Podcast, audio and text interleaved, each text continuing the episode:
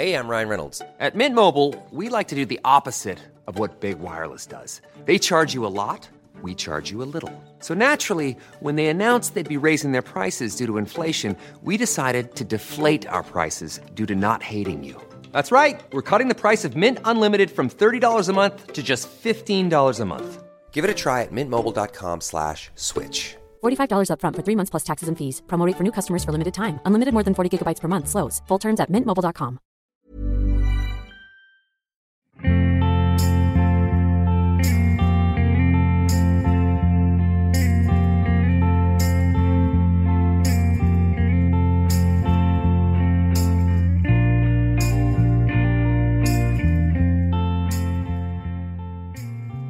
Talar skånska, malmöitiska.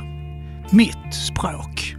De är födda här, uppvuxna, med rötter, inte köpta och importerade. De känner till varje skrymsle av staden. De går på Jägers, på Amiralen, på Palladium. De har vuxit upp på Kristianstadsgatan, gått i skolan på Husie, spelat pojklagsmatcher med Kick och Lydia på Dekanen. Jag står nära dem, inte bara i bokstavlig mening. De har sina rötter lika djupt nere i denna stad som jag. Förtrogenheten svetsar samman dem inbördes och med publiken.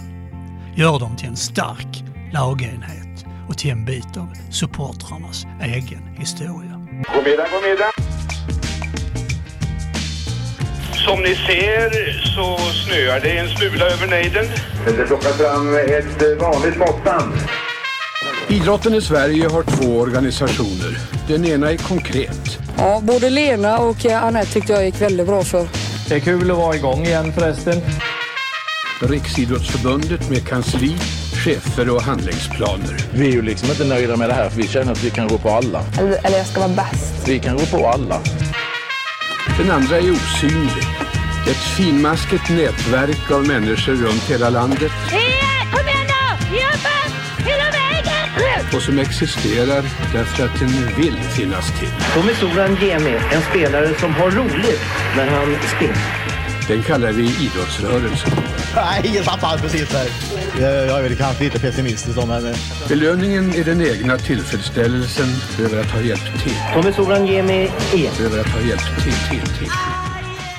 I studion idag, Jesper Högström. Ja. Ditt tredje besök hos oss. Ja. Varmt välkommen. Tack ska du ha. Och med oss menar jag då Marcus Leifby. Ja, det gör det. Utklädd till uh, Puskas Ljungberg. Ganska lik. Du är nog den du är mest lik i den berömda Malmö 11. Ja, vi... Intellektuellt eller? Uh, ja, alltså, i ansiktet är den inte särskilt lik. Vi andra i studion är lite rädda av det skälet. Januari 1974. En renrakad 27-årig engelsman med intensiva blå ögon och en frisyr som är kort och lång på samma gång. Står i ett omklädningsrum i Malmö och tittar ut över en samling eh, skeptiska MFF-are. Ett par av dem är äldre än honom. Ett par av dem har bestämt sig för att trycka ner honom.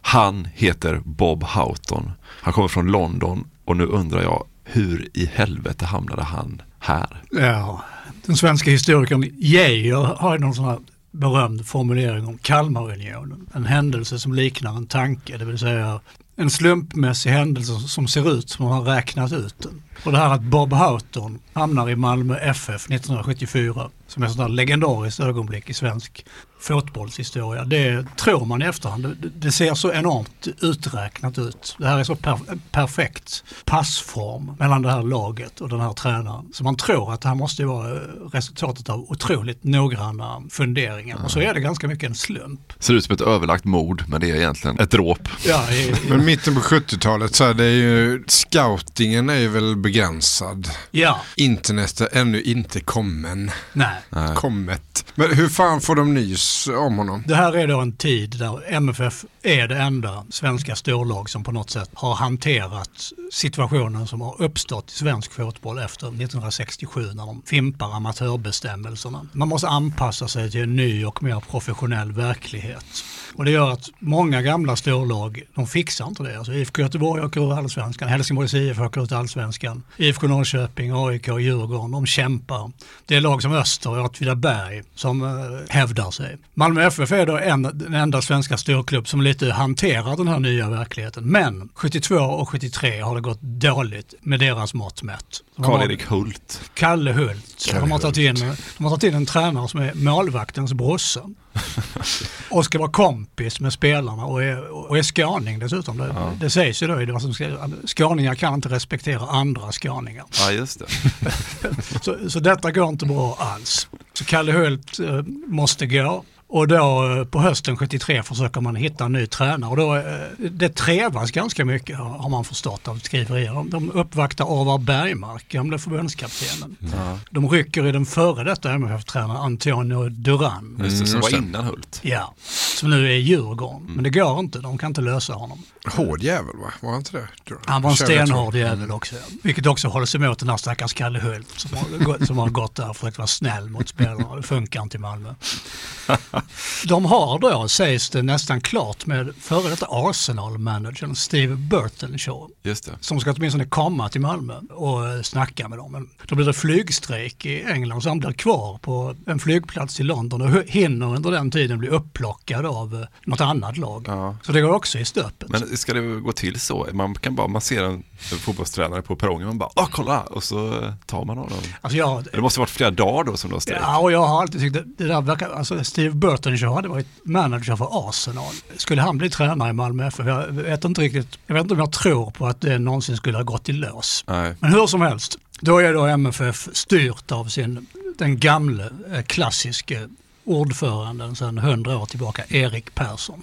Ja, det är från klubblokalerna på Drottninggatan i Malmö som Erik Persson de senaste tre åren i alla fall har regerat Malmö FF. Lägenheten här är överfylld av MFFs priser, minnen, fotografier, nästan allt från Erik Perssons 48 år i klubben.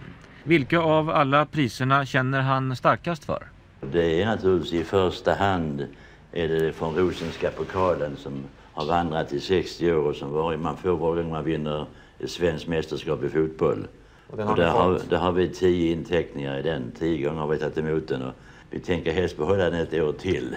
Och Erik Persson har just eh, vilket är ett, ett skäl till att det går så pass mycket bättre för MFF än för andra svenska storklubbar.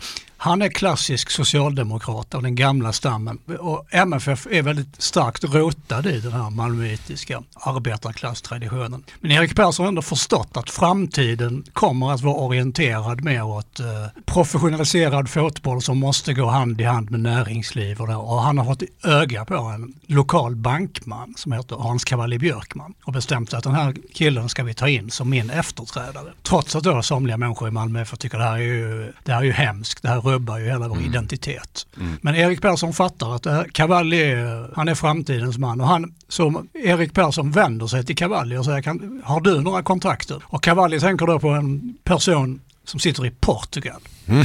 Skåningen och demonpromotorn Börje Lantz. Mm fint att man kan sätta demonprefixet också på en promotor. Ja.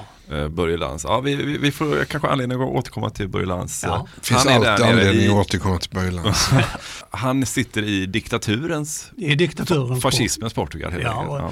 Börje Lantz har, eh, har tömme med vem som helst som styr och ställer i världen. Han har liksom goda kontakter i det kommunistiska östblocket. Han har goda kontakter med diktatorer i Latinamerika mm. och givetvis också med regimen i i Portugal. Uh. Och han har ju dessutom goda kontakter i apartheids Sydafrika. Uh. Ja, där, en, en, av de värsta så här, telefonböckerna som finns har Börje ja. Det är bara hemska människor. Och han är, och han är polare med en man som heter Alan Wade som är, han jobbar för engelska fotbollförbundet FA. Han är deras Lars Laban Arnesson kan man säga. Ja, alltså, verkligen. Ansvarig för utbildningen helt enkelt. Ja, han är, en, han är en legendarisk figur i engelsk fotboll. För han är den som fattar att, eh, att den engelska fotbollen har det traditionellt varit fientlig mot alla former av teori.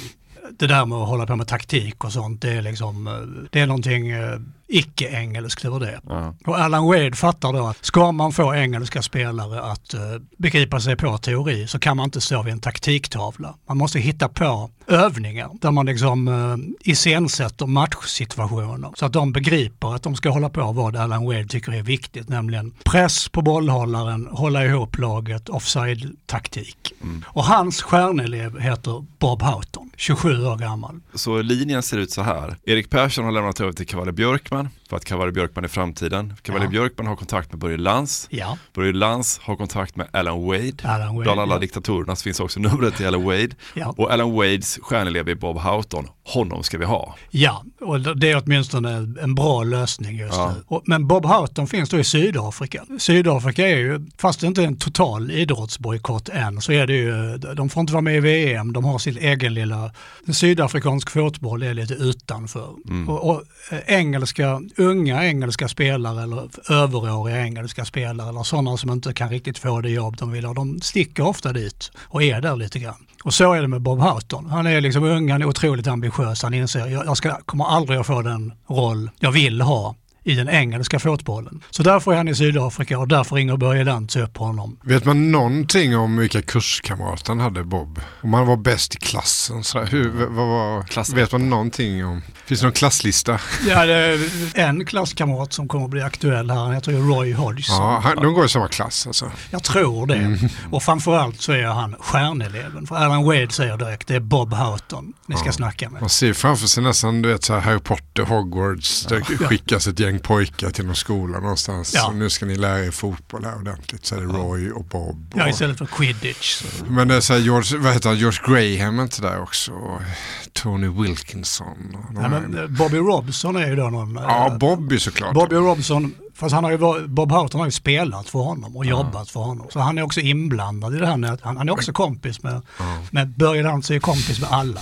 Ja. Eh, Det, som sagt, det är före internet så då är det Börje Lantz med sin cigarr. Som, I Villa Tomelilla. Alltså med servern liksom. Okej, så Bob tänker så här, han får kontakt med Malmö FF och tänker att okej, fan, jag vill ju, för han har varit lite assisterande tränare och liksom, han, han, kan inte, han kommer aldrig få göra det han vill med liksom tid, den tid och det förtroende i England för att Nej. det är också en ganska skakig tid i England har förstått med att tränarna sitter kort tid. Så det, Mm. det, det lockar honom med Malmö för att då kan han ju faktiskt få tid för sin nya ideologi som han brinner väldigt mycket för. Det är ju en massa turer fram och tillbaka. Han är ju väldigt tveksam för han har aldrig hört talas om Malmö FF.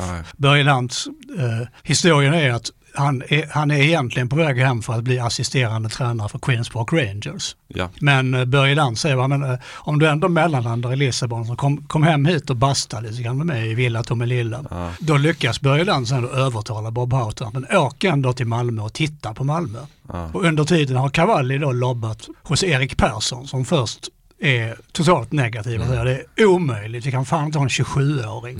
Bosse och Christer kommer att äta upp Och de säger det med så här, typ Bosse och Christer framförallt, Bosse Larsson och Christer som är de väl äldsta i laget, de Ja. mest rutinerade och kanske de största personligheterna på något sätt. Ja, Och- och, fem, sex år äldre än Bob Houghton. Att de har ju bestämt sig mer eller mindre för att så här, en 27-åring, han äter vi upp, typ har de sagt till varandra ungefär. Liksom. Ja. Men eh, Erik Persson viker ju sig där, Ja, det sägs ju väldigt mycket att bakom kulisserna, alltså det, är ju Erik Persson som är den stora diktatorn och samtidigt säger ju då alla runt omkring, det här, det här blev ju så lyckat så folk vill ta åt sig äran efteråt. Men Ja, Börje. Lantz han säger att det handlar om att vi var tvungna att övertala Erik Persson att det här var hans idé. Aha, okej. Men först är ju han väldigt negativ och när Bob Houghton dyker upp och är långhårig och har polisonger, Ja. det ligger ju också honom i fatet. Ja. Men Erik Persson blir på något sätt så pass imponerad att han ställer Bob Houghton inför fullbordat faktum och bara säger nej men det här blir jättebra, nu har vi presskonferens och presenterar det. Ja, det. Och Bob Houghton säger va? nej men jag har inte skrivit på något kontrakt. Och bakom kulisserna till och med säger han väl till Erik Persson så här, okej jag ställer upp på den här presskonferensen, Ja. men, men bara så du vet, jag, om inte jag tycker att det känns nice detta så drar jag. Ja, det är liksom manövrer från olika Ja, håll. Men ja. till, eh, på- något sätt så fattar man liksom att båda har begripit att eh, det här som man i efterhand tycker att detta är ödesbestämt. Mm. Det, det måste bli det här. Ja. Lite grann så tror jag nog att de känner det. Att, eh, historien är att först säger Erik Persson att visst, eh, du, du, du är tränare och du ska veta att här i Malmö FF så har vi en uttagningskommitté. Att vi Ja. tar ut laget tillsammans. Så säger Bob Houghton, då är jag inte intresserad. Jag tar ut laget själv. Ja. Den attityden går hem i Malmö. Ja. ja, men precis. Det tycker jag är intressant att Erik Persson bara, vad fan i helvete, så här har vi alltid, vi har alltid tagit ut laget. Liksom. Ja. Gott så- gry den här killen. Ja. Ja, precis. Men det är också en jävla chansning eh, kan man ju tänka att presentera honom och han ändå hotar med att jag drar om det inte duger. Det skulle ju kunna innebära att Erik Persson då framstår som först fullständigt inkompetent om tränaren sticker direkt. Ja. Men han är så jävla trygg Ja. i sig själv och sin förening så att om det sker så, så kan han förmodligen bara säga att jävla, Det- vad var det för lilla stolle, han ska vi inte ha här nu. Och så kommer han undan med det. Ja, men det är ju en chansning på många sätt. Alltså det finns ju journalister som säger att de MFF har köpt grisen i säcken. Det här kommer aldrig att gå. MFF går liksom en svår framtid till mötes här. Har inga nyförvärv, de har samma gamla spelare och så nu tar de in någon helt okänd människa från, från England. För man måste också komma ihåg att det är ju, Malmö är ju i, i, såklart inte i Bob Houghtons ögon ett storlag, men i en svensk kontext är det ju ett storlag. Ja. Att de ska hålla på och chansa med en, en ung tränare finns egentligen ingen anledning. De hade ju bara kunnat värva en stor etablerad tränare eller så. De Mm. behöver inte ta en sån, det är en onödig risk på sätt och Och vis också. Bergmark. Ja exakt, men de, de, har, de har ju försökt med Bergmark och det, det har inte gått. Det är väl också någon, en, en slags fördel kanske att inte plocka en svensk i det här läget som, eh, som vet allt om Malmö och karaktärerna. Ja. Och, alltså någon som är långt, långt utifrån som Ja. plockas in i den här, Ja, eh, i lejonets kula på något vis. Alltså Erik Persson är ju, han har ju tidigare haft den här spanjoren Antonio Duran. Han har ju någon slags tro på att det, det är ändå bra att hämta kompetens utifrån. Och han, han har en gammal förkärlek just för engelsk fotboll. Vilket är kontroversiellt på den här tiden som vi säkert kommer att återkomma till flera gånger. Men Erik Persson står ju för det, att han tycker ändå att engelsk fotboll är, är fortfarande världsledande. Robert Houghton, 27 år, kom i januari i år från två träningsår i Sydafrika och installerades med hustrun Iris av Malmö FF i ett höghus på Stadiongatan i Malmö. Och om Sverige visste familjen Houghton väldigt lite när de kom hit. Very little, I think. We didn't know very much, either of us. It was just a complete chance we were really taking. You didn't hesitate? It's not such a bad time to be out of England at, uh, at the moment because uh, the football, there's a little bit of panic uh, amongst the clubs, and uh, I don't think any job, particularly a trainer's job, is uh, very secure at the moment. Uh, if you have to be away from English football, this is a good time to be away from it, I think.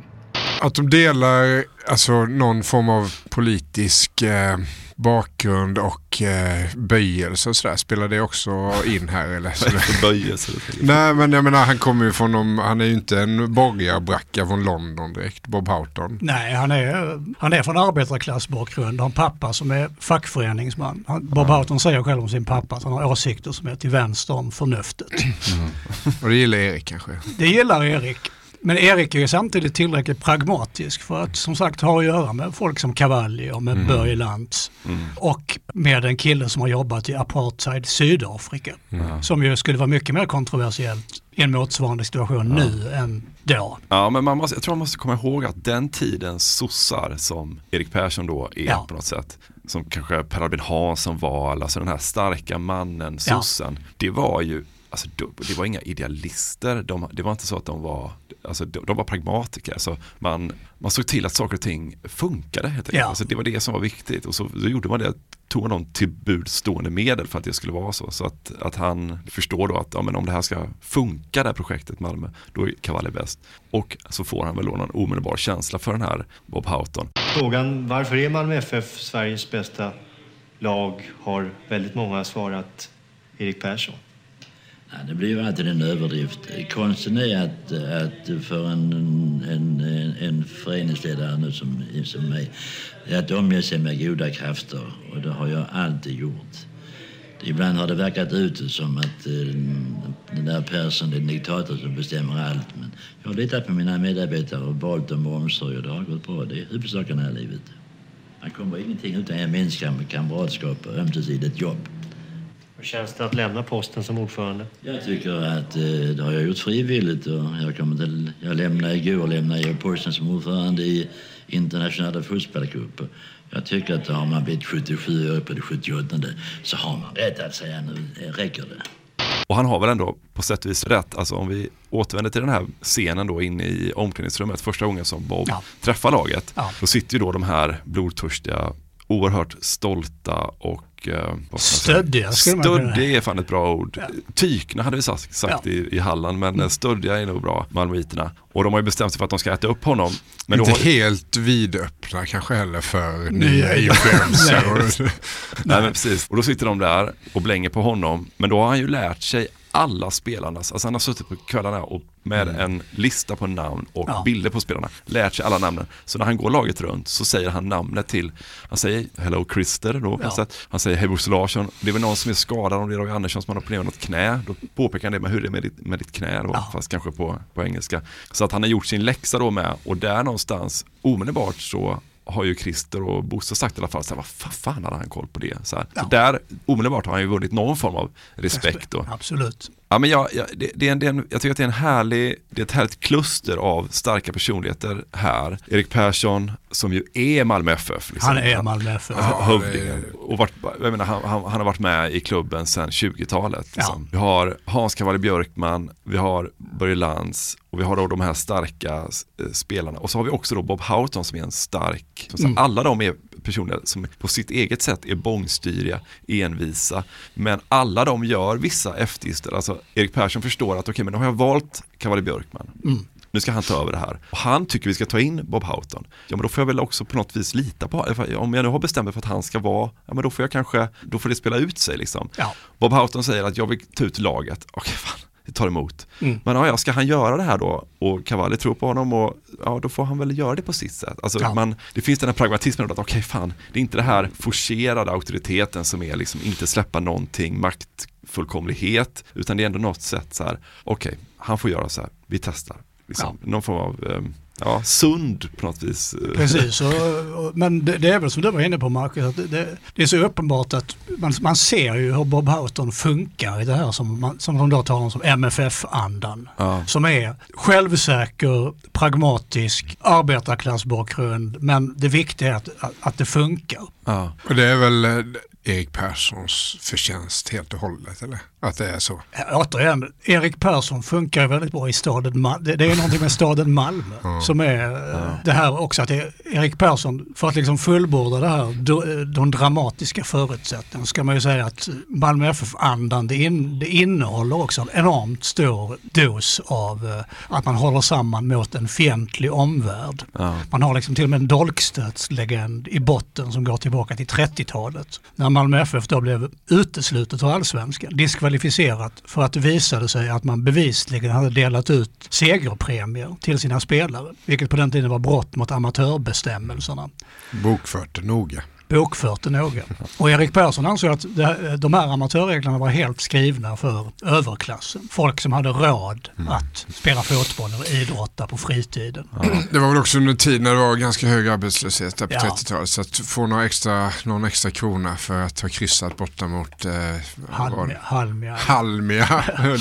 ja. Absolut var Det det kunde liksom mätta några magar kanske. Och Erik Persson ansåg också, jag vet, jag vet inte om det här är fullständigt bevisat, att den som hade angett dem var lokalrivalen IFK Malmö, som var medelklass överklassklubben i Malmö. Gultröjade IFK Malmö. Ja, som, han, som då Erik Persson med nästan teatraliskt hat avskyr sedan dess. Så Erik blir avstängd två år också, han får inte sitta med i styrelsen. Nej. Eh, Stoppas från, från Ja. allt styrelsearbete. Sen läste jag någonstans att när Hitler tog makten i Tyskland så var det en IFK som hade gått fram till Erik Persson och sagt att eh, snart hänger du och dinglar i ett träd här Ja. runt knuten. Om- Att det också kan då ha ökat på hatet. Det, det, det, det är säkert sant och Erik Persson var också sån som odlade den typen av anekdoter där han något tänkte på på natten. Som sagt, den här revanschismen, det här vi, vi mot dem, att alla är ute efter oss och vi, vi ska fan ta mig visa dem. Det är ju otroligt viktigt för Erik Perssons Malmö FF och det, det odlas ibland till,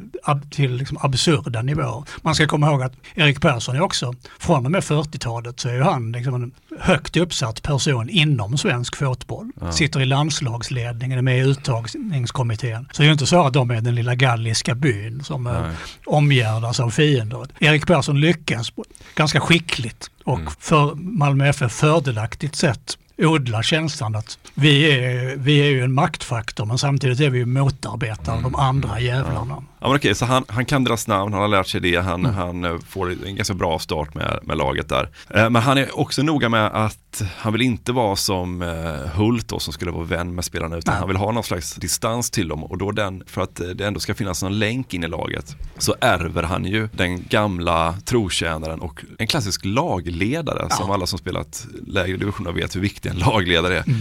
Egon Todde Jönsson. Ja. Som blir då någon slags länk in till spelarna. Han kan liksom föra fram och kanske ibland också tolka det som eh, Bob vill, vill med laget och så till, Mm. till spelarna. Ska vi kort presentera Todde Jönsson? Eh, Vad har vi mer på honom? Han tillhör Malmö FFs klassiska generation som då vann eh, allsvenskan tre år i rad mellan 49 och 51.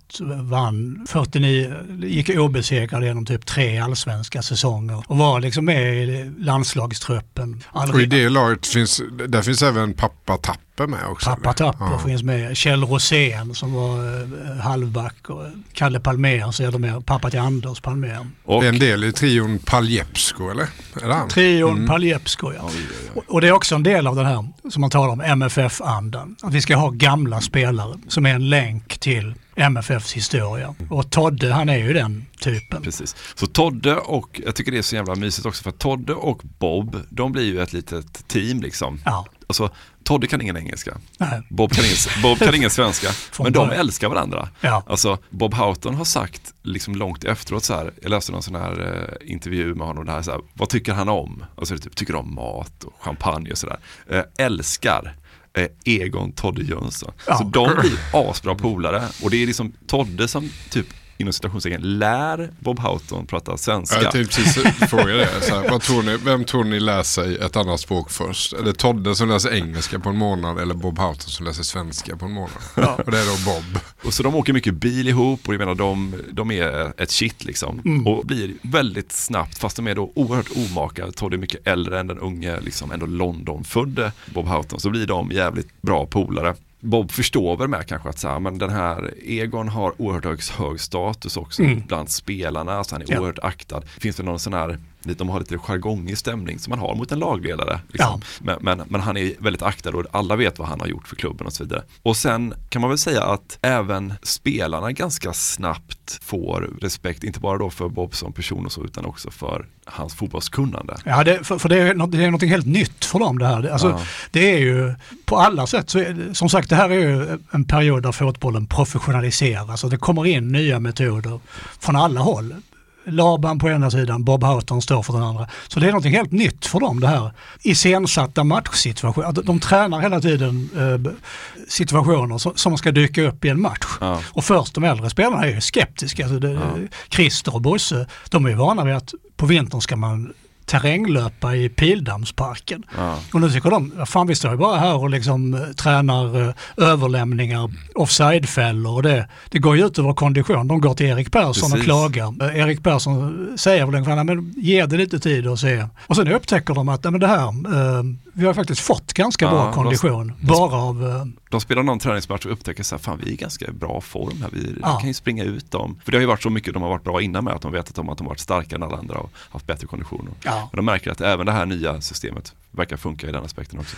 För Malmöspelarnas del betyder Bobs inhopp radikalt ändrade träningsmetoder. För han har synpunkter på mycket i fotbollsträning.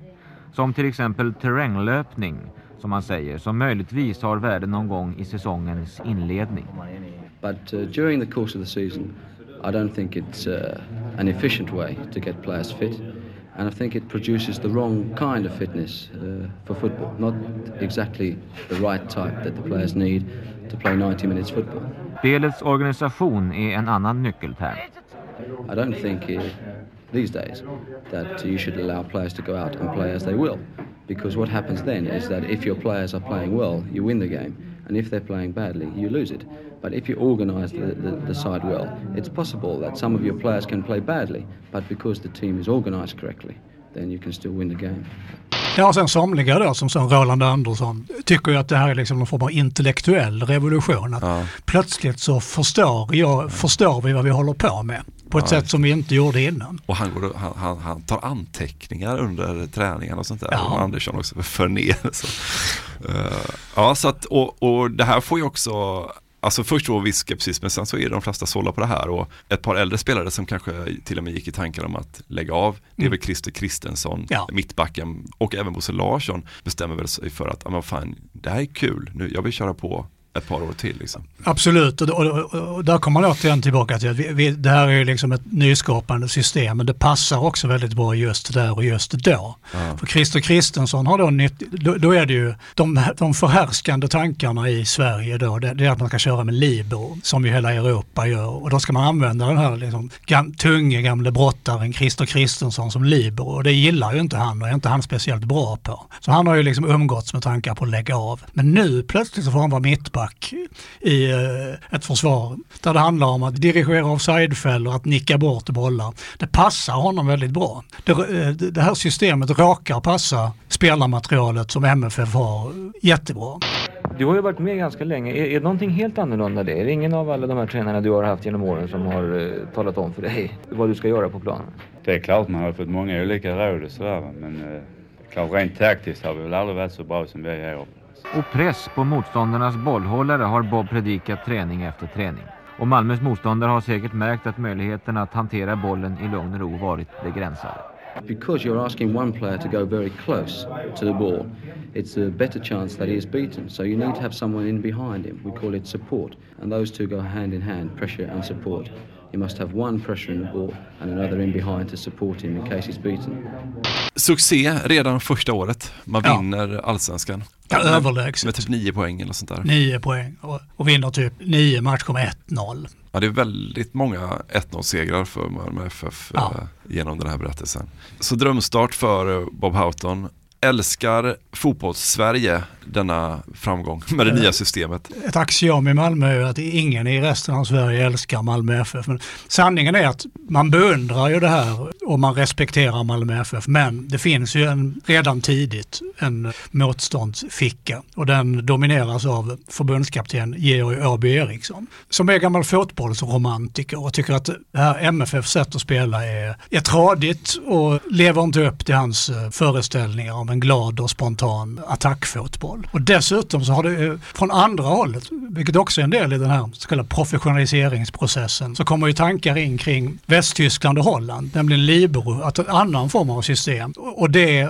det har uppstått någon tanke som inte är helt formad fullt ut kring landslaget. Att vi ska ha en svensk modell som helst alla lag kanske bör spela. Och den bör, eh, den bör vara baserad på den här västtysk-holländska Libor-modellen som liksom får sådana enorma framgångar i VM 74. Och då, eh, efter VM 74 så går det inte så bra för svenska landslaget längre och Åby börjar grunna över det och, och, han är också sur över att MFF-spelare tackar nej till landslaget. Ja men precis, det är många saker som irriterar Åby. Dels ja. är det då att de spelar med det här andra systemet som han inte vill veta av. Nej. Och så också då att, vilket han har fog för, alltså det, det är rätt många Malmö-spelare som tackar nej. Och den konflikten går ju så långt att man iscensätter någon form av debatter mellan Erik Persson och Åby eh, Eriksson. Det, det är ju inte en tanke att det ska vara någon debatt. Men vad som händer är att uh, först så tackar alltså Roy Andersson uh, nej till landslaget inför en match, EM-kval mot Norge i augusti 75. Åby säger att han har minsann varit inne i MFFs omklädningsrum och ska prata med Roy och då har MFF hånflinat åt honom. Ja, och han talar, han talar ut i radio, han säger att det här är dåligt av Malmö FF och att inte att inte motivera eller tvinga sina spelare att spela. Det här kuggari, en massa andra eh, gammal animositet. Kan man minnas, alltså Åby Eriksson och Erik Persson, de är ju gamla älgar, gamla älgtjurar i den här urskogen som svensk fotboll är. De, har ju, de är den här gamla typen av hövdingar och ledare. Åby för IFK Norrköping, Erik Persson för Malmö FF. Så det finns otroligt mycket gamla, gammalt groll och fiendskap. Ja, det är inte första gången de stånkas nej, mot varandra. Nej. Liksom. Och, och, och, som sagt, det är ju en tid där ingen, numera skulle allt det här mediehanterats och sådär. ja. Men Åby har ju inga problem att liksom efter en MFF-match så går han ut i tidningarna och säger att det är för jävligt och tråkigt de spelar och jag skäms över svensk fotboll. Men först här då i augusti 75, då har Svenska Fotbollförbundet samtidigt fått för sig att de ska arrangera en stor eh, pressträff på, eh, på något hotell i Stockholm där man bara ska liksom kalla in en massa journalister och prata om allmänna frågor. Och då eh, får Åby för sig att han ska liksom ta upp det här med, det är ju inte så lätt att sköta ett landslag ska ni veta när, eh, när spelarna tackar nej och somliga klubbar motarbetar landslaget direkt. Och skälen är patetiska anser Åby för att de vill vara hemma med familjen. Ja herregud.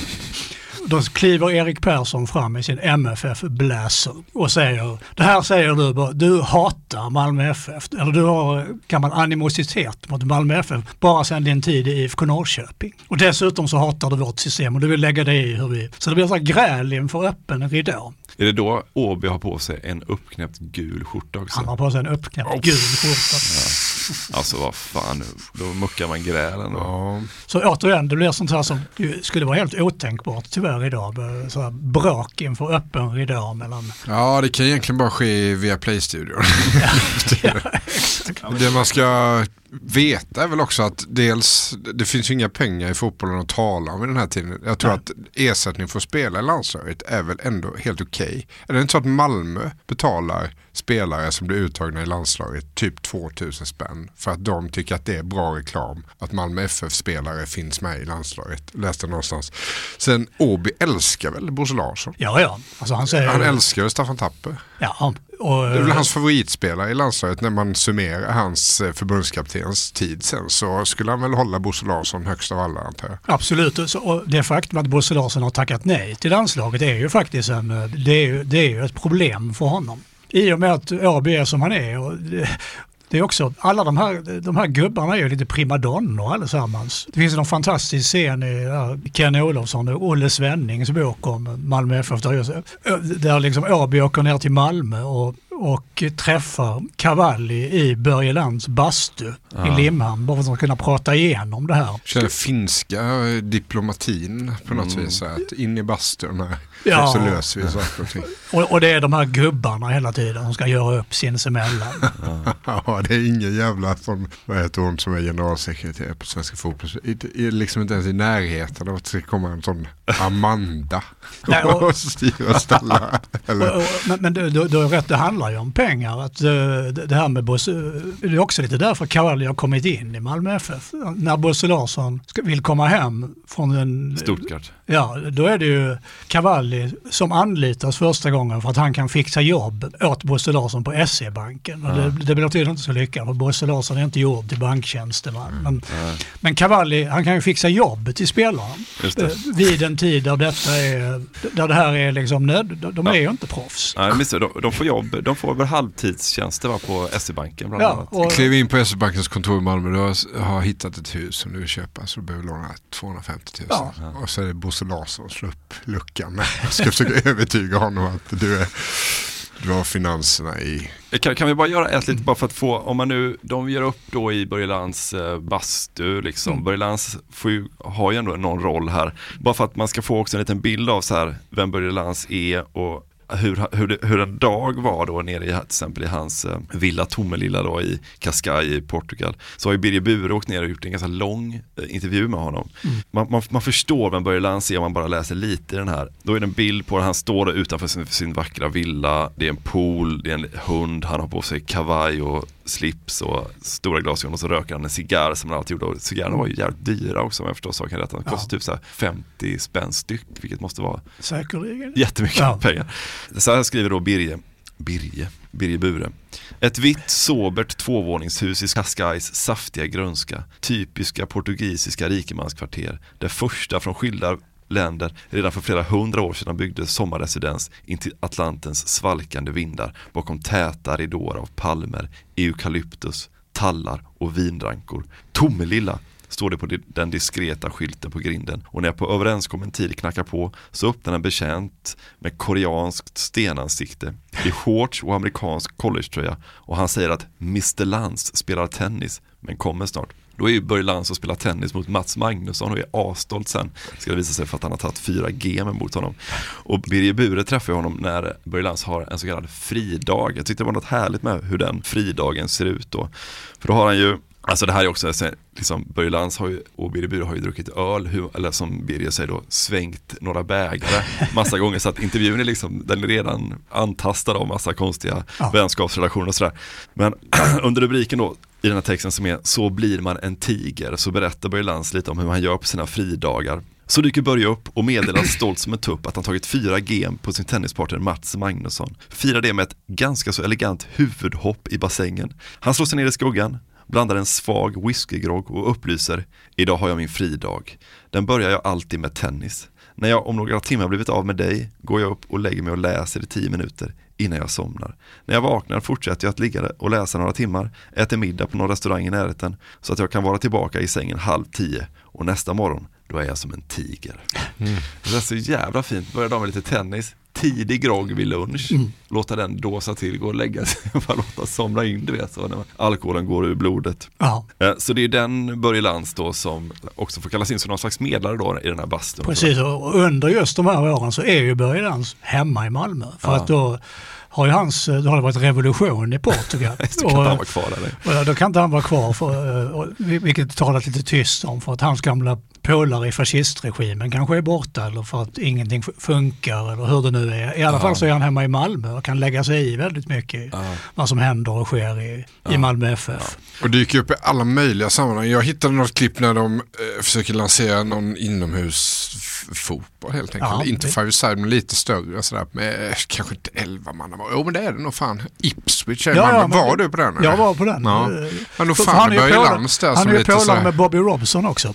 Eh, så det, det, är så han tar dit Ipswich. Ja, just det. Ja, det börjar. Han, han, han, han, tog dit uh, Cosmos ja, med Pelé för att ja. han har fixat så att Pelé har gått från Brasilien till Cosmos. Den matchen var jag också på hö, hösten ja, 75. Det, bra brassekontakter. Ja. Men han, är ju, han är ju något så unikt, Börje som en sån skojare som också är the real deal. Han har ändå han säljer ju annonsplatser till hela, han har ju kontakter in i hela Östeuropa, vilket ja. inte är lätt på den tiden. Nej. Han har alltså lyckats få, vilket amerikanerna blir baxnar över är att han har lyckats trycka in Coca-Cola-reklam på Leninstadion. Ja. Då sitter han bara där på Leninstadion med någon pamp i Sovjet och säger så här, du fan, ni vet att vi filmar de här jävla skyltarna här bakom där det står typ länge lever femårsplanen. Mm. Om jag bara byter ut dem mot några andra grejer så behöver inte ni betala mig en spänn. Nej. Och så får han då liksom, vilket det måste sägas vara nästan bragdguldnivå på att fixa in liksom Coca-Cola-reklam på Leninstadion. Så att han är ju, han är en snackpåse och en pajas, men han får saker och ting gjorda. Så man ja. kan ju förstå också att en sån som Erik Persson, till exempel pragmatiken, ja, men han får låta, vi får låta honom hålla så han kan hjälpa oss. Liksom. Ja, han fixar alla MFFs bortamatcher och han, han var inblandad i landslagets bortaturné också. Han ja. dyker upp i, ja. det, det är någon fantastisk intervju med Janne Möller där han säger då, då har de en bortamatch i Europacupen mot Magdeburg och ska de, ska de åka till Östberlin.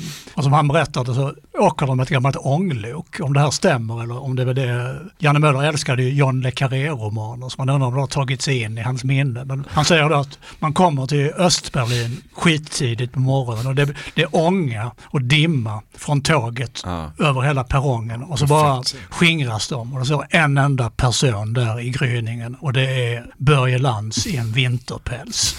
ja, det är så jävla starkt. Då måste jag också, en liten kort början. Ja.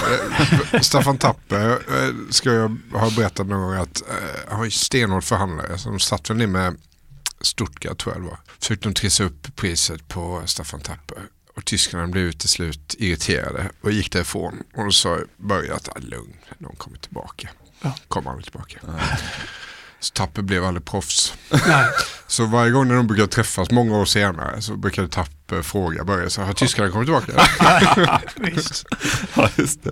Men så här, nio av tio gånger kanske den taktiken funkade för Börje Lantz, men just när det Tapper skulle ja. ut i Europa så gjorde han inte det. Men åter då till, till eh, konflikten. Bastun. Bastun. Ja. ja. men vi har då alltså en, en öppen, sårig konflikt mellan Malmö och, och Erik Persson och Åby och ja, ja. Där man kan säga ändå att båda kanske har lite fog för sin irritation. Alltså mm. de tackar faktiskt nej. Åby vill ju för fan ha ett landslag som fungerar. Ja. Malmöspelarna är bäst, ja. får inte dem. Samtidigt då så finns ju den här känslan som kanske eh, skapas av Malmöspelarna själva men som också mm. kanske på sätt och vis är befogad då att de tycker att de motarbetas av eh, övriga fotbolls-Sverige. Och det här tar ju sig uttryck också i att man klagar mycket på att de är gnälliga spelarna. Ja, Malmöspelarna, de gnäller mer på domarna, de, de kallar folk för elaka saker. Man tycker att de är, ja, men att de är stöddiga och, ja. och sviniga då helt enkelt, ja. Malmöspelarna. Är de det? Ja, det skulle jag säga att de är.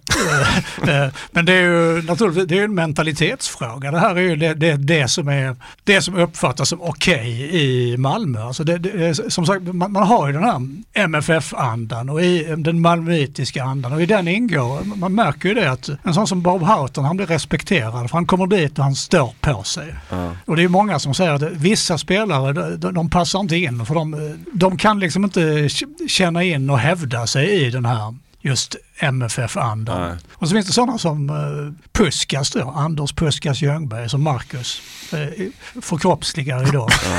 som, som är lite för mycket till och med för Han som är lite bakom flötet. Ja, men till, och med MF, till och med MFF säger att men Puskas han är för mycket. Att de tycker att han, han skäller för mycket, inte bara på Ja. motståndare, även på, eh, på sina medspelare. Och han trakasserar dem på olika sätt. Och Du menar att Puskas är den gnälligaste av de gnälliga? det, det, den bilden får man ju verkligen. Jag pratade med min pappa, eh, han var ju mycket på Värensvallen och så tittade på Öster på den här tiden. Så berättade jag att jag skulle podda idag och prata om Bosse Larsson bland annat. Så sa han bara så här, han spelade ju inte bara matcherna, han dömde ju dem också. Det var det första han sa.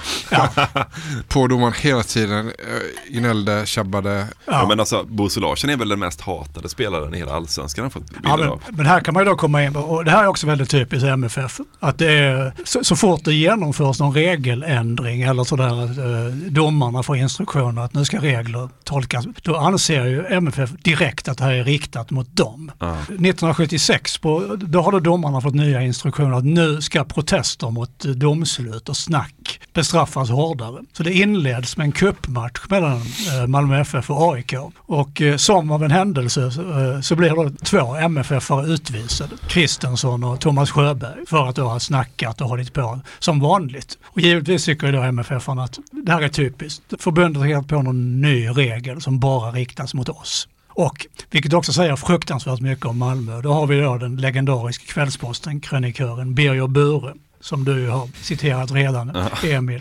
Han eh, mobiliserar då i sin krönika i Kvällsposten dagen efter den lärde i Lund, David Ingvar, professor som också kan ses på MFFs matcher för att på olika sätt förklara, förklara det här MFF-gnället. Att den, den andra skåning får då förklara att just Malmö FFs gnäll är faktiskt ganska eh, Befogat. befogat. Man behöver ha vetenskaplig belägg för att gnället alltså är en naturlig konsekvens av... Precis, och, och så skriver Bure så här. Eh, MFF-arna använder munnen när de ska öppna ventilen, alltså säkerhetsventilen. Andra fotbollslag gör det med fula efterslängar och stämplingar. Man bör nog inte tappa bort den aspekten. Och sen jämför han med Djurgården som är typiska stockholmare. Att de är, de är oärligare för de, de, de är råare och brutalare men de klagar inte offentligt. Och som skåning hävdar han att den, den malmöitiska modellen är mycket ärligare. Han slutar här med en fotnot. Den här krönikan är troligen inte hundraprocentigt objektiv. Om någon kallar den för en partsinlaga är det kanske inte felaktigt. Ja, precis. En Malmö, eh, så Birger Bure som då alltså håller på med FF har intervjuat en annan person som håller på Malmö FF och pratar om varför Malmö FF ska få gnälla. Men kontentan är väl ungefär av den här eh, hjärnforskaren och vad fan han är för någonting. ungefär att så här, om man är ett lag som är så framgångsrikt och man håller på med en idrott som handlar om att eh, resultat, då kan gnäll uppstå de gångerna man får en liten motgång. Kan bli, Ja. eh, då, re- reaktionen kan bli större helt enkelt. Just att ungefär, eftersom man med FS är så bra, Ja. har de också en större tendens att gnälla då ungefär. Ja. Man kan ju också tänka sig att den här gnälligheten och den intensiva vi mot omkänslan är lättare att eh, få liksom grogrund i Malmö, i och med att alla är från Malmö. Det är ju Ja. ändå sensationellt att alla är från Skåne. Liksom. Ja. Hela Ja. laget. Om man jämför med till exempel Åtvidaberg eller Blåvitt då, som man sa ändå är- har värvat från stora delar av Sverige. Vad driver de lite? Det var inte inkastbussen. Ja, Helge! Är Malmö FF eh, Sveriges bästa fotbollslag? Absolut. Ett av Europas bästa också. Vad är det som eh, gör det? Varför är de bättre än andra lag? Jämnheten i materialet. Alltså, de har 25 stycken fullgoda spelare, nästan Europaklass allihopa. Har 11 bättre spelare. Styrkan framåt och eh, mittfältet. Någonting annat? Har vi Bosse Larsson? Och- det är, det är en väldigt stor del av deras självbild också. Ja. eh, liksom, Erik Persson kan ju då i intervjuer säga IFK Norrköping på 40-talet. Han är ju väldigt mycket för upp gamla. Det var minsann, de var minsann hopvärvade, där bröderna Nordahl från Norrland och sådär. Men vi, vi MFF, vi hade, vi hade spelare härifrån. Genom åren genomgående har ju eh, majoriteten av våra spelare varit ifrån stan och praktiskt taget alla utom, utom med kanske fem, sex undantag sporadiskt har de varit skåningar och talat samma språk och tänkt likadant. Och Många av spelarna har varit anställda på de största arbetsplatserna i Skåne som Kockums, och andra stora fabriker och sådant. Publiken har identifierat dem som, som sina egna på något sätt. Och jag tror detta är ganska stort värde för en fotbollsklubb. Att ha den rätta förankringen i sin egen hemstad. Och Christer Kristensson när han pr- pratar om Öster på 70-talet, den stora rivalen, så tycker han att Öster är ett hoprafsat lag. Ja. Inga smålänningar där. Nej. Medan vi är bara skåningar. Och just det här att det finns en förankring i, i, i staden. De kommer, många är från Kirseberg, Kirseberg då som är ett, Kirseberg. Ar- Kirseberg, okej. Ja. som är ett uh, arbetarklassområde har jag förstått i stan. Och du har någon text av, av Jack Werup va, som kanske kan bättre än, än vi då sätta ord på den här känslan av eh, gemenskap och Ja, Jacques Werup, han skriver är en bok som heter Hemstaden, så har han ett, där finns ett parti där han går på, han går på, han går på träningsmatch Ja. i februari tror jag det är. Och de här träningsplanerna utanför Malmö stadion. Och så står han där bredvid planen, planen och efteråt så kommer, så kommer spelarna ut och ställer sig och röker där bredvid honom. Christer Kristensson, Roy Andersson, Staffan Tapper och Servin. Och de talar skånska malmöitiska. Mitt språk. De är födda här, uppvuxna, med rötter, inte köpta och importerade. De känner till varje skrymsle av staden. De går på Jägers, på Amiralen, på Palladium. De har vuxit upp på Kristianstadsgatan, gått i skolan på Husie, spelat pojklagsmatcher med Kick och Lydia på Dekanen. Jag står nära dem, inte bara i bokstavlig mening. De har sina rötter lika djupt nere i denna stad som jag. Förtrogenheten svetsar samman dem inbördes och med publiken. Gör dem till en stark lagenhet och till en bit av supportrarnas egen historia. Jag tycker det också är så lätt att förstå. Jag kommer ihåg när vi spelade så här landhockey när jag var liten. Då mötte vi laget som var på andra sidan Lindbergsvägen. Och då byggde man upp en, en hatstämning. Man ville ju vinna dem. Så kommer jag ihåg att det var någon, någon som föreslog bara så här, men vi skulle kunna, han ville spela med oss nu här. Han vill vara med oss istället. Det var någon som kände någon av dem lite på ett annat håll. Mm. Jag bara, men fan, då finns ju ingen poäng. Om, vad fan är poängen då om vi har någon från deras sida? Varför, varför ska vi slå dem ens då? Alltså, jag, jag, jag tycker ändå att det måste vara en sån oerhörd känsla just detta att fan det är bara vi. Jag menar, den som är längst bort ifrån det är alltså Ingmar Erlandsson. Ja. Han, är då, han råkar också vara företagarson. Ja. Har den oturen då att han är företagarson och från Glimåkra. Men jag menar hur långt är det från Glimåkra till eh, Malmö? Ja, det är väl 10 mil. Det är, det är norra Skåne, det är Göinge. Och sen så är det ju, sen är det ju, som skåning kan jag ju säga att det, det finns ju icke-malmöiter. Kent Jönsson är från Lund och Jan-Olof Kindvall är är uppvuxen utanför Ystad, Köpingebro, så han är från landet. Mm, Men eh, det, det där är kanske inte märkbara skillnader för en icke-skåning. Nej, men det där, är- alltså, man, man får liksom inte glömma bort hur exceptionellt det är. Alltså, när Bob Houghton pratar med sina liksom, internationella kollegor om det här, ja, men alla är från samma region, Ja. så är det ingen som tror honom. De, bara, men det, det, de, de tror knappt det kan vara sant. Han beskriver väl klubben som kolossalt skånsk eh, Ja. ganska tidigt. Det Ja. Han har inte varit där många veckor innan han kan uttrycka sig så och se det. Nej men visst, och det, och det är återigen sån, eh, det är en sån ö i historien det här. Det, det, det, här MFF på 70-talet, det går ju att genomföra bara för att ja, men en sån spelare som Staffan Tapper, han blir ju inte proffs. Nej, Nej precis. Eh, Ja, de, de, är, de är kvar liksom och, och, Bosse kommer tillbaka. Det är, också, det är lite jobbigt om man tycker att det här är härligt och det gör jag. Jag kan Ja. ibland avundas dagens Malmö FF-supportrar som ändå tycker klubben fortfarande bär spår av det här. De är noggranna med att det ska finnas lokala Ja. spelare i truppen och sådär och Ja. Tapper springer runt där. Och det är så jävla präglat av den här benhårde Perssons principer fortfarande. Ja. Och det kan jag avundas. Jag vet jag pratade med Olle Svenning någon gång som berättade, han växte upp på 40-talet, 40-50-talet Mm. i ett kvarter, undrar om det var Södra Förstadsgatan till och med, Mm. där MFF hade sitt kontor. Grabbarna där eh, sprang runt och så var det någon gammal målvakt som eh, drev ett bageri och dit kom Kajan Sandell som var en sån här Mm. MFF-legendar Ja, ja. och lämnade brödlimpor. Och, Ja. och de ser allt det här. Och sen så kommer Erik Persson dit. Och det största som kunde hända de grabbarna var att få säga goddag till honom. Så här. Och det är en jävligt härlig miljö. Ja. Tänk att ha ett sånt lag. Ja. Men så tittar man runt idag hur fotbollen ser ut så ja, då blir det jobbigt. Det är svårt att hitta det här någonstans. Det, går ju inte. Det går ju inte, återigen, för att, att, det, att det blev så framgångsrikt. Det, det hade väl delvis om att Erik Persson hade, det, det fanns den här otroliga förankring och samtidigt fattar Erik Persson att ja, men då får vi ta in den här som läkarsonen, bankmannen, juristen Cavalli Björkman från Jönköping ja. som tillhör en helt annan miljö och en helt annan samhällsklass och kultur. För att utan honom så, så kommer inte det här att funka. Men, Nej, han kunde ha drivit rakt ner i, i avgrunden. Det kunde Mycket jag. väl Erik Persson om han hade varit bångstyrig och eh, jävligt skeptisk ja. mot ja. allting nytt. Men det var ju inte det. Ja, men den här kontinuiteten. Stans mäktigaste man. Ja. Som är Olle Svenningsson. Men uh, den här, uh, som du sa då, att uh, Tapper blir inte proffs. Nej. Bosse blir proffs då i Stuttgart, men han flyttar alltså hem 68. Ja. Det är 11 år före han slutar. Alltså ja. han, är, han är 26 ja, eller något sånt där. Ja, 69 då kanske, men okay. det spelar inte någon jättestor roll. Men han, jag menar, han åker hem och det, någonstans står det att han, det är för att han är orolig att hans dotter inte ska lära sig svenska. det verkar inte som att han inte kunde få den tanken i kroppen. Men det är också en intervju när man förstår, man, så här, ja, men jag, man förstår, jag vill hem igen liksom, ja. till, till Malmö. Ja. Att jag kommer hem det är väl ganska troligt. Det är väl inte riktigt bestämt. Men, men om Stuttgart spelar ut ett mycket bättre bud? Ja, det är klart, men uh, jag tror inte jag nappar på den där. Så pengarna betyder inte allt?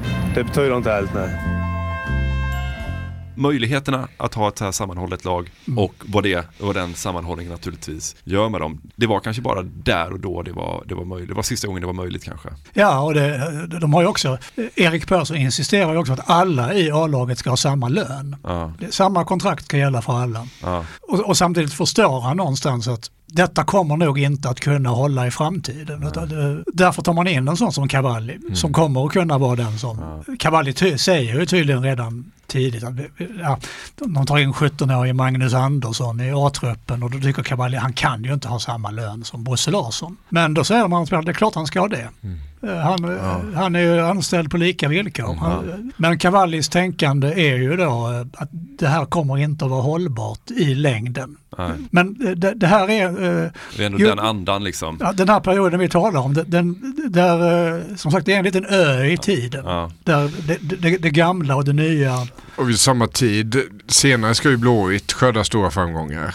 Inte mm. alls med bara göteborgare, kanske en liten kärna av göteborgare men plocka annars från Gällivare, Oskarshamn och, och ja. kors och tvärs. Och vid den här tiden när Malmö är så jävla skånskt, då ja. plockar ju Blåvitt in Ralf Edström och Ove Kindvall ja, och Olle Nordin och ja. Björn Nordqvist och allt möjligt. Det är ju verkligen en värvningskarusell.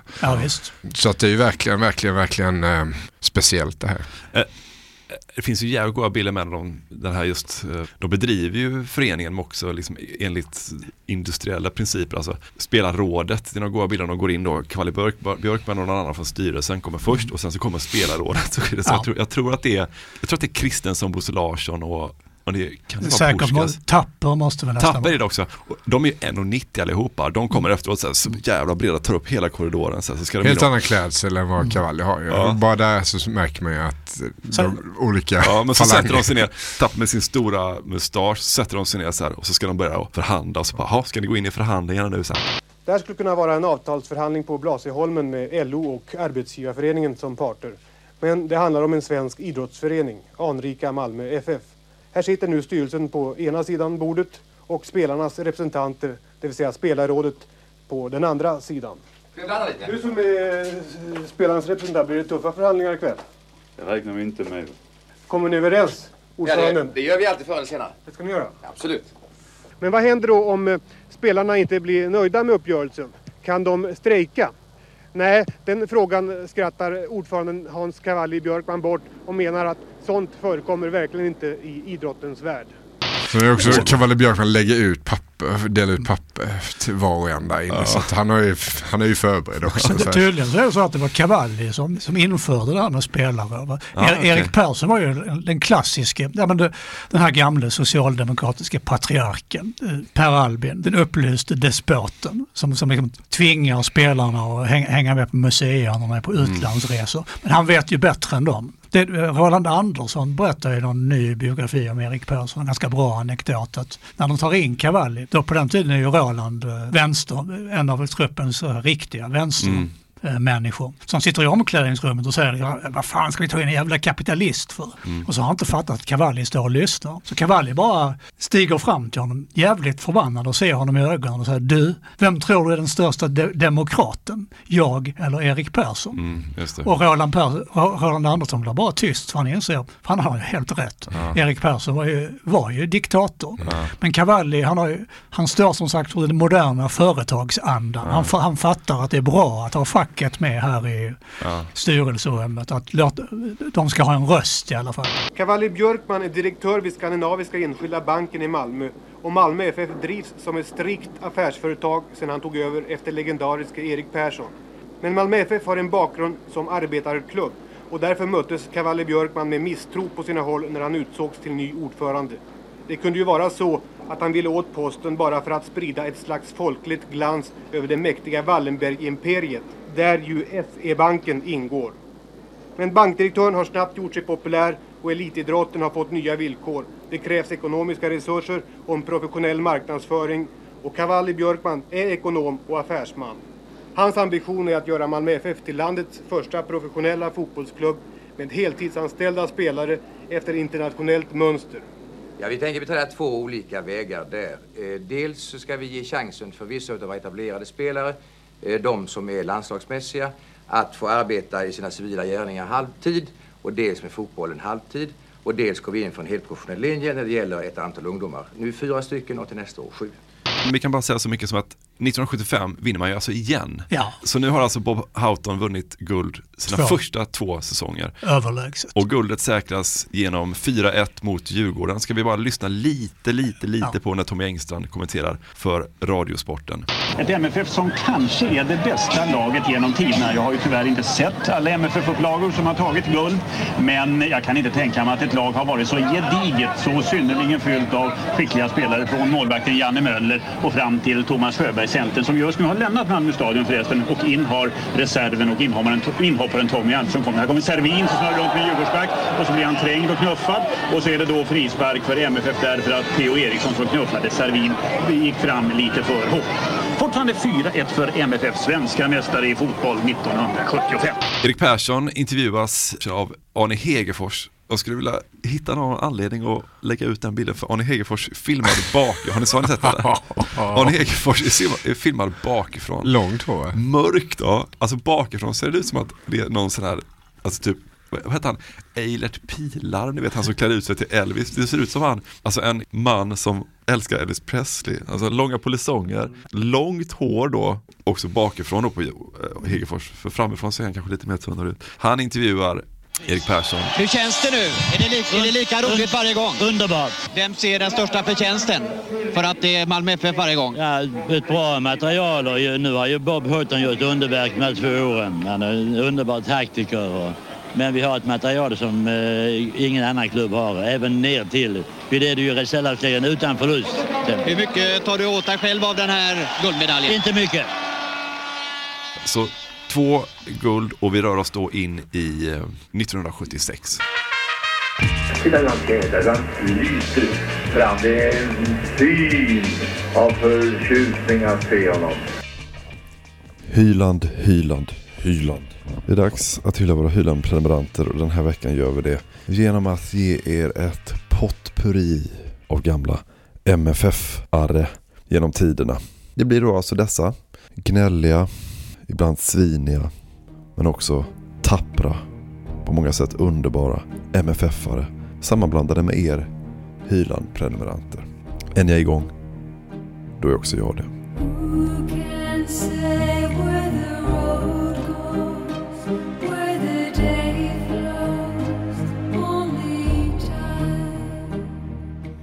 Sven Gertsson Kristoffer Jönsson Börje Tapper Per Nilsson Kalle Palmer Marcus Halling Kajan Sandell Mattias Sundling Ingvar Svan Simon Kingdahl Tore Servin Karim Hadje Leif Engqvist Emil Karlsson Lagnelius Bertil Elmstedt Rickard Kruse, Christer Kristensson, Magnus Tervik, Staffan Tapper, Per Lagerqvist, Lasse Larsson, Marcus Wilberg, Patrik Andersson, Marcus Niemad, Jonny Fedel, Johan Wall, Jonas Tern, Sigurd Bjerke, Martin Dahlin, Martin Karlgren, Daniel Andersson, Stefan Schwarz, Bosse Larsson, Yxel Osmanowski och Hasse Mattisson.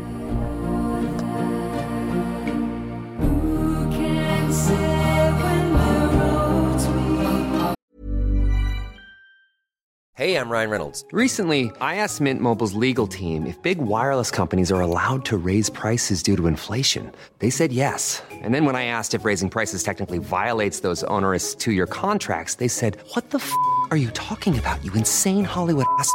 So to recap, we're cutting the price of Mint Unlimited from $30 a month to just $15 a month. Give it a try at mintmobile.com slash switch. $45 upfront for three months plus taxes and fees. Promo rate for new customers for limited time. Unlimited more than 40 gigabytes per month. Slows. Full terms at mintmobile.com.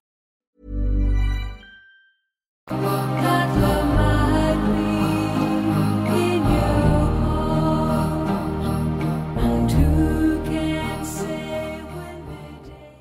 1976 kommer en ny engelsman till Sverige och han kommer till Sverige på grund av Bob Houghton. För att han har rekommenderat Halmstad BK att eh, ta in Roy Hodgson som tränare. Erik Persson undrar, vad fan ska du ta in honom för? Ja, det är ju inte den enda som undrar kan man ju säga. För här möter ju Malmö först, sina första motgångar egentligen under Bob Houghtons Ja. styre. Över 50 matcher har man nu förlorat fyra stycken. Mm. Malmö FF är i gungning. Vad är det som gör att de är så här jävla dåliga? Mm. Kan det finnas lite olika förklaringar till det här? Är de för mätta? Mm. Är det de här offside-fällorna? Är de för farliga? Mm. Visserligen ingen som har gjort mål på någon offside-fälla som har misslyckats men ändå, de, de, är, de är farliga. De här crossbollarna är en akilleshäl. Spelar man med Absolut. crossbollar då riskerar man eh, eh, hela Bobs system att falla. Ja, så det är kris i Malmö FF. Bob får svara lite på den här eh, kritiken. Dags för Malmö FF att ändra spelsystem alltså, men den tror inte tränare Bob på. Nej, absolut inte. Jag, menar, jag kan inte förstå eh, hur, eh, if vi, om vi har spelat är det 50, 50 matcher eh, mot svenska lag i, i två år och förlorat fyra stycken. Efter vi förlorade en i, eh, i allsvenskan. Jag tycker det är helt otroligt att folk ska säga att vi ska ändra taktiken plötsligt. Så man kanske ska vara försiktig med hur djup den här krisen är i Malmö FF. Ja.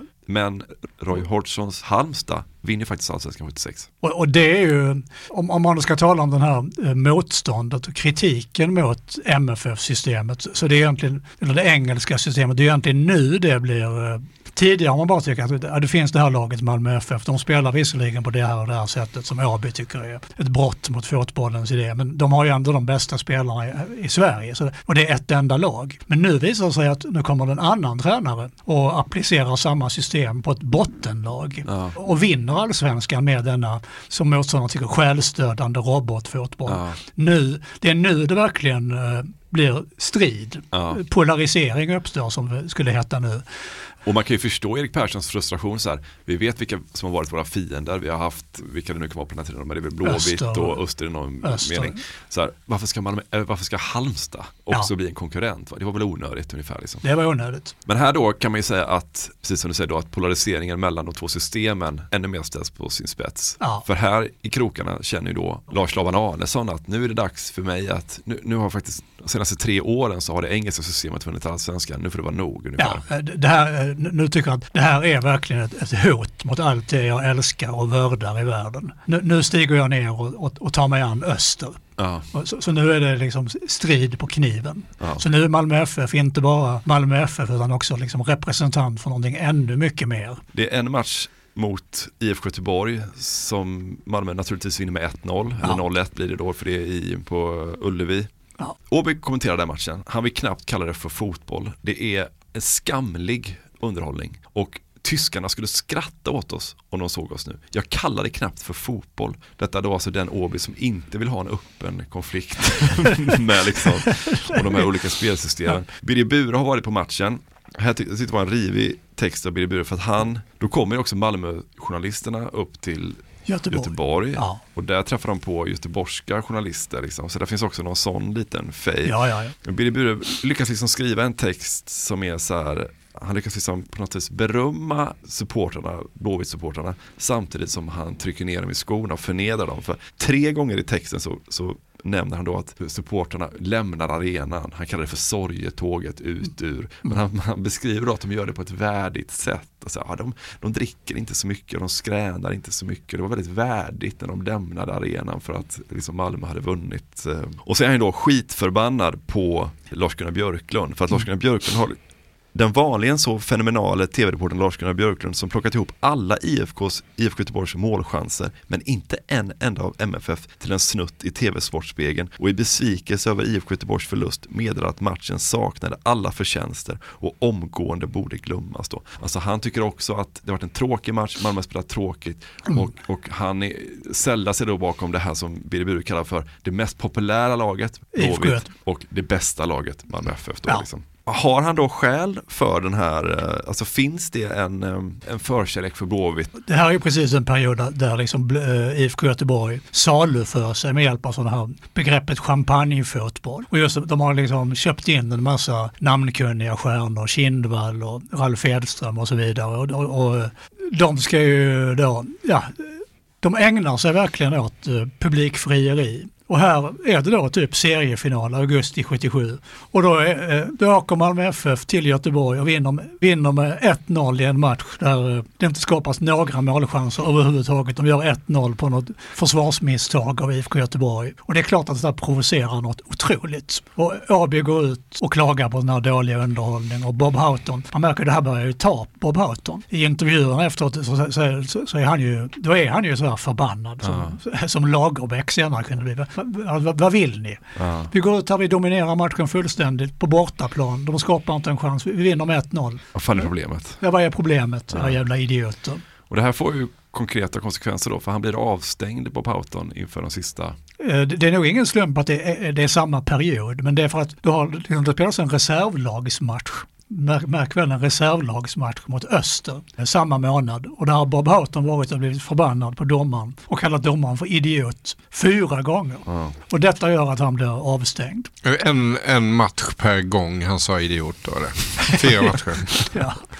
Det är ändå jävligt grovt för så, så får man väl inte säga. Alltså jag menar, om någon, eller jag vet inte hur tugget går nere på sidlinjen nu för tiden. Men det känns jätte... Ja, nej, nej men alltså det, det, det är ju inte plockat från ingenstans. Alltså MFF är stöddiga och aggressiva och gnälliga. Och, och som sagt, det, det märks ju att det tar på. Att det, det, Ja. det har ju byggts upp en stämning som blir mer och mer. De blir mer och mer defensiva. Bob Houghton blir mer och mer förbannad. Och, och det är ju delvis någonting som MFF lever på. Mm. Att det, eh, fy fan, vi vinner, vi vinner hela tiden och de blir mer och mer förbannade på oss. Och så är det den här Edvard Persson-låten som alla krönikörer i Skåne älskar att citera. Låt dem bara gå på, vi klarar oss nog ändå.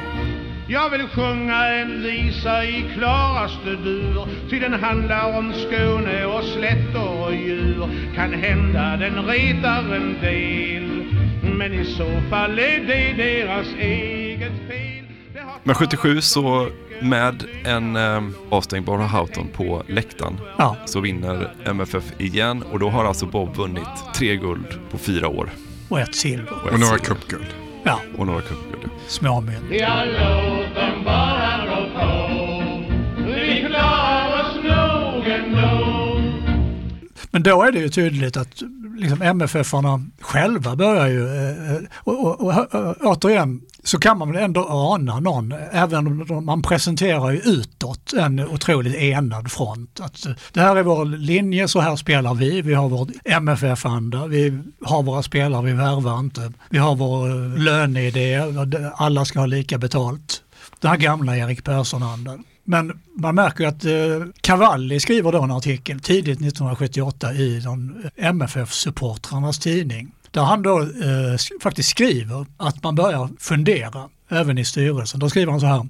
Vårt anseende hos allmänhet och massmedia har detta år varit ett återkommande debattämne i styrelsekretsen. Vad kommer det sig att vi behövt uppleva talkörer och skrikande “Vi hatar Malmö” på såväl Söderstadion som Nya Ullevi i höstmatcherna mot Hammarby IF respektive IFK Göteborg? Vad kommer det sig att vi vid något enstaka tillfälle behövt höra burop från vår egen publik? Vad kommer det sig att pressen ständigt, våra framgångar till trots, återkommer till tråkigheten i vårt spel då vi själva tycker att det är fråga om en effektiv, välorganiserad och systematisk fotboll som i sina bästa stunder påminner en smula om den som Liverpool FC presterar. Och då säger han att givetvis är det så här att de är avundsjuka på oss för att vi är bäst och det är David mot Goliat och så vidare. Men Cavalli lägger till då att det finns faktiskt sånt som jag tycker vi måste göra annorlunda och framförallt så måste vi måste göra mer mål och vi måste värva. Alltså han säger öppet, eh, min uppfattning är att hur bra ett lag än är och hur nationellt överlägset än må vara måste man någon enstaka gång utan att ändra vår grundprincip princip om egenuppfödningen värva en färdig spelare med speciell profil.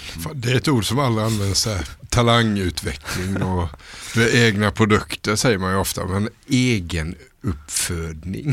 Ja, det låter som en grisfarm. Ja, det är härligt. Och då är det så att på, på den hösten så värvar ju faktiskt MFF. Det här var ju en värvning som, blev, som inte blev speciellt misslyckad, eller inte spe, speciellt lyckad, så den är bortglömd. Men de värvade ju faktiskt av Sanny Åslund från ja, AIK, skyttekung, alltså en färdig spelare. Ja. Där bryter man ju ett mönster. Cavalli säger också, vilket är intressant med tanke på senare utveckling, man, man, man, vi, vi, måste göra lite närmanden mot Helsingborgs IF, den slumrande storheten uppe i nordväst. För det skulle vara väldigt bra för MFF att få, få till stånd uh, ytterligare ett lokalderby. Det finns ja. redan ett med Landskrona Boys. Men han fattar att uh, det skulle vara bra för Malmö FFs... För att uh, öka intresset eller? Ja, och det, det är ju publikkris. Ja, han, han bygger, och i och med att senare så ska det faktiskt bli så att MFF skickar upp sin styrelseord för en styrelsemedlem, Ingvar Venehed, för att få Helsingborgs IF på fötter. Ja. Med tanke på den här lossade, det här lossade hatet som ska finnas mellan Helsingborgs IF och Malmö FF så det är, så det är ganska roligt att Cavalli redan här inser att Ja men det kan vara bra ur en marknadssynpunkt då. Och, och, och liksom få HIF på fötter igen, vilket mm. man då senare ja. gör. De har väl också gjort ett försök, jag läste i någon bok om han eh, boråsaren Björn Reinholdsson. Jag vet inte exakt vilket år han kommer till Malmö FF. Det är, 72-73. Ja, men gör ju liksom en jävligt slät figur och kommer inte alls in i gänget. Mm. Och enligt Bosse Larsson så var en mycket snäll påg men man fick aldrig någon kontakt med honom. Nej. Man märkte inte att han var med och tränade. Nej. Men där kan man någonstans känna med Reinholdsson. Det kanske inte var så jävla lätt heller Bosse att bara Nej. ta plats i det där omklädningsrummet. Men det var väl, alltså typ Bobs första år, han bara okej okay, nu har jag det här laget. Och så är det någon spelare i Sundsvall han tittar på. Bob vill värva Anders Grönhag. Ja just det. Och, han, och, då, och Erik bara, nej nej nej nej nej nej, alltså, vi värvar inte. Alltså, nej. Är, bara, är det absolut nördfall? Vi, vi, som, vi håller inte på så. så. Nej men där, där har du en, en skillnad i inställningen. För Bob Houghton som engelsk tränare, det är självklart. Man försöker värva, han, han tar tydligen upp med Erik Persson också att han vill värva Lilda med Mattsson, Aha. Östers skyttekung och Erik Persson blir bara rasande och säger så gör vi bara inte här i Sverige. de de uh, värvar Sanios, det är den första värvningen då egentligen från ja. Utifrån. Så ja. Mm. Tydligen redan under 77 så är de på gång och skriver Cavalli att vi har försökt värva en spelare som ni känner till från Kalmar FF. Att man har liksom börjat Framförallt är det, de, de har ju problem med anfallet. För det, är, det där med Thomas Sjöberg. Ja. Uh, han, uh, han går till Tyskland, han kommer tillbaka, han, går, han går till Saudiarabien. Det är lite fram och tillbaka ja. med honom. De har ju med jämna mellanrum skadebekymmer, folk är borta hit och dit. Men maskinen rullar på ändå. Ja. Och det finns nog en sån den traditionella uppfattningen att de, ja, vi klarar oss nog ändå, vi behöver inte värva. Men Cavalli är ändå inne på att uh, nu är det ändå någonting som behöver förändras. Ja. Så att här framme vid 77 märker man att det är någonting, ett litet tvivel har ändå smugit sig in i den här uh, självsäkerheten. Och det tvivlet kanske blir ännu lite starkare då i och med att 78 så är det ju en, eh, ja, dramatisk, på säga, men den är ju dramatisk. Öster vinner ju allsvenskan. Ja. Och Malmö och Öster möts två gånger den hösten. Och, och ska jag säga, då, eh, Malmö FF leder allsvenskan stort, eller ganska ordentligt, mot slutet av eh, augusti. Ja. Så stort att, man, att, då, att, spel, att ledningen tycker att det är ganska okej att sälja Thomas Sjöberg igen. Ja. Sjöberg har varit hemma från Tyskland, nu tycker de de kan skicka iväg honom igen. Ja. För att det här går så pass bra. Ja. Och då kommer de här mötena med Öster. Då är det någon slags dubbelmöte mot Öster och de är omgivna av massa skriverier i tidningarna för att då har ju Laban, dels har ju Laban hittat ett sätt uppenbarligen att slå Malmö. Ja. Man ska spela med crossbollar är de som sagt eh, känsliga för, för då måste de flytta över då den här, eh, jag kan inte taktik så mycket men då, det, det, det är svåra lagförflyttningar för eh, Bob Houghtons system. Och eh, han går också ut och driver på då det här, men han har också, tänker han sig, en metod för hur man ska klara av då det gnälliga, sviniga Malmö. Alla de här glåporden. Och han är liksom, eh, jag vet inte om det är ett sätt för Laban att få sina egna spelare att hantera det, men det är några roliga säg här i en tidning, det är Kvällsposten då, då säger Laban att eh, ta bara förra gången vi möttes i SEF-kuppen, då kallades en av våra spelare, det kvittar vem, för jävla socialfall. Tator Tordarsson säger mina källor. Ja, sådant blir man inte arg för, utan bara ledsen och besviken. Ja. Och fråga mig inte vad det här har med fotboll att göra, säger Laban. Och tydligen har det inte blivit bättre på sistone. Jag har fått telefonsamtal från Hammarby, där de både är förvånade och ledsna efter matchen i onsdags. Laban vet att flera av hans spelare inte kommer att beröras av eventuella glåpord, men han vet också att några kan få sin kapacitet nedsatt om de blir hackkycklingar. Det här får ju då MFF-spelare svara på. Bob Houghton är förvånad. Jag är mycket förvånad. Jag har alltid respekterat Öster som en fin och välskött förening under ledning av sin ordförande Stig Svensson och har också alltid uppskattat hans son Tommy, både som spelare och ledare. Men Laban Arnesson har infört något nytt och beklagligt med sina ideliga angrepp på oss som jag aldrig förstått anledningen till. Men sen är det också så här att Utta Eriksson då som är domare, han har ju dömt eh, både Öster och, och Malmö och han tycker personligen han har aldrig haft något obehag vad gäller Malmö FF. Han tycker att alla är lika goda kålsupare. Det där är ju Eh, frågan om vad han säger till en tidning och vad han egentligen tycker och tänker. Vad gäller det så kallade, just det, Kristensson. Kristensson, han, han har ju fått frågor om det här med, sa, med socialfallet. Vad gäller det så kallade socialfallet, som jag tycker är så oerhört kul, är denna spelare själv värst i Sverige med att kasta skitord, inget namn.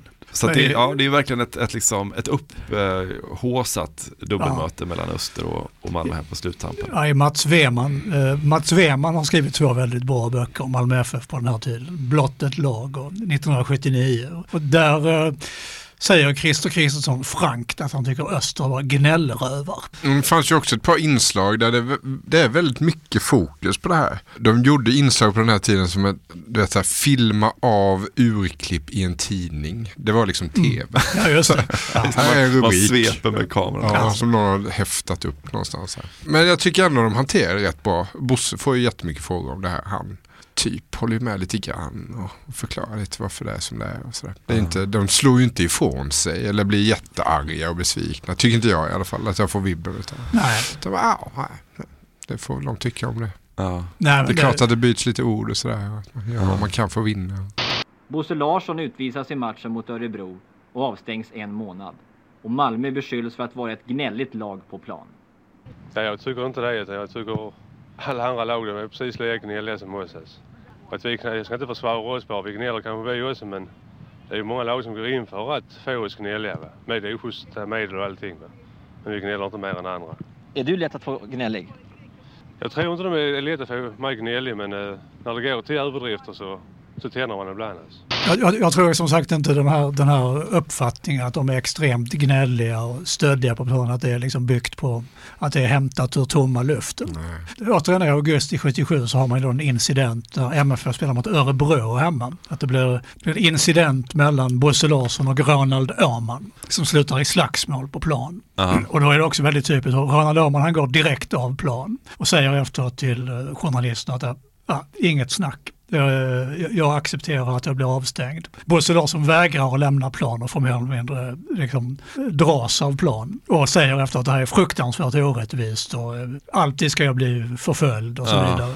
ja. Det, det, det, är den här attitydskillnaden. De har den här attityden MFF, vi är orättvist förföljda. Ska vi göra så då att vi, vi tar in en eh, röst, förslagsvis Ronald Åhman, som spelade i Örebro för att höra då hur det var att möta Malmö FF. Ja, vad som hände i den där situationen när han började slåss med Bosse Larsson på Malmö stadion. Det låter ju farligt. Jag har ett fotografiskt minne från, från den där situationen. Jag vet att Janne Möller sparkade ut bollen. Den studsade en gång ut mot sidlinjen där det var en längd, hoppsgrop. Den studsar en gång, eh, Bosse Larsson och jag går upp i en luftduell. Jag faller över honom men faller så att jag inte lägger tyngden på honom utan häktar upp mig så att säga med, med händerna du förstår. Mm. I en slags båge då. Var på han sparkar mig rakt i ansiktet eh, i ett underläge. Va? Och då var det, då var det halabaloo alltså. Ja, och vad är det för någonting då? Vad händer? Nej, det, det är fullt slagsmål. Jag tände ju till och, och eh, båda vi utvisade och det, jag kan inte påminna mig, jag har inte kollat eh, tillbaka den historien, men jag kan inte påminna mig att två spelare fått så långa straff som vi fick. Fick en månads avstängning, fem matcher. Och då har vi läst till att du tar det rätt upp och ner medan Bosse tycker att det är för jävligt. Ja, men det är väl lite Malmö-inställningen också. Mm. Det är vi mot världen. Ja, det är verkligen vi mot världen. Eh, ja, det är så är det. Ja. Eh, de får ju mycket kritik. Eh, jag har både sett inslag och läst artiklar om att de är gnälliga. Ja, men det var de ju. Ja, kan du ge några exempel på hur MFF, som de säger själva, uppträdde på planen? Ja, men de var ju, de var ju lite untouchable på något sätt. De höll ihop och det var ju eh, styrkan också naturligtvis. Så fort det var någon som gav sig på en då så, så var alla på där och det var ett jävla tuggande och gnällande på allting, inte minst domaren. Malmö blev ju aldrig folkets lag trots att de gick till eh, Europacupfinal 79. Va? Däremot så blev Göteborg hela Sveriges lag. Och vad beror det på då? goa göteborgare. Ja, men jag tror att det var så. Folk gillade, Blåvitt hade en annan attityd på något sätt. Mer inkluderande som det brukar heta. Ehm, det var inte alla som gillade, det var inte alla som gillade skåningar och, och uh, Malmö FF. Man är svårt att tycka illa om, om uh, Hussein och gänget. Men sen så händer det ju att ni blir uttagna av eh, Laban och Åby och sådär och ska spela i landslaget tillsammans och dela rum och sådär. Hur de här kontroverserna och de här dispyterna, följer de med in i landslaget eller? Nej, det kan, inte min- kan inte minnas. Nu var det ju så att det var landslagsledningen som såg till rumsfördelningen så jag och Sandy bodde ihop. Jag tror inte man hade tussat ihop mig med Bosse Lars. För övrigt så, så var det, du vet, jag tror att de hade sju man med i VM-truppen. Och det där var ju en, en, en egen diaspora Malmö, Malmö i, i Argentina. Men kunde du sitta och snacka skit med Bosse Larsson på en landslagssamling och skoja och ha det roligt? Eller var nej, det, nej, det, nej, det gjorde vi inte. Vi hade inte det naturliga umgänget. Jag, det fanns ju nästan ett naturligt hinder där. Jag är född 57, han kanske var född 42 eller något sånt där. Mm. Nej, det faller inte naturligt att sitta och göra det. När du tittar tillbaka på Malmö FFs 70-tal, vad, vad tänker och känner du då? Oh, jag är ju naturligtvis jävligt imponerad för det var ju en maskin. Eh, och eh, sen kan man ju också säga att alltså, Skåne har ju många fotbollslag men, men på något sätt så, så äh, MFF är ju ett eget rike i fotbollsriket Skåne. De har ju ingen konkurrens egentligen. Jag menar att Helsingborg, nej det är ingen konkurrent på det sättet. Va? Trelleborg inte heller så att det är en sån här MFF-hegemoni som har varit alltid. Mm.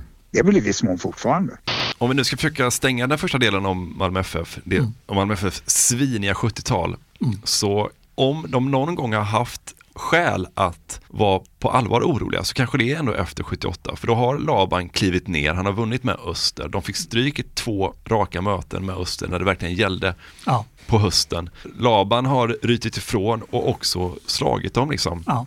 Och eh, det görs ju en intervju med eh, Cavalli Björkman där man pratar om det så här att ja men eh, nu är många spelarna börjar bli gamla, det är dags mm. för en generationsväxling. Alltså Kristensson är gammal, Bosse Larsson är gammal, mm. Tapper är ju inte ung längre, Nej. Puskas är inte Nej, ung längre. Just. Är det nu ni förlorar allsvenskan, finns det skäl att uh, tänka sig att 78 och 79 kan bli tunga år för Malmö FF?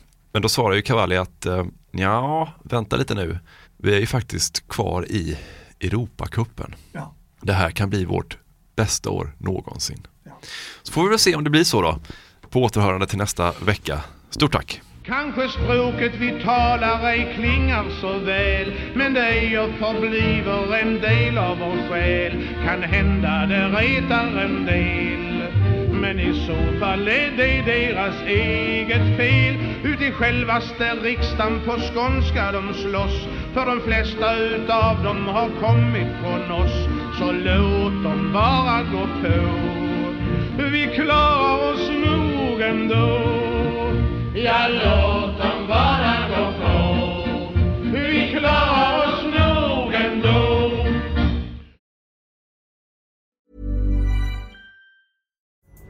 Pulling up to Mickey D's just for drinks?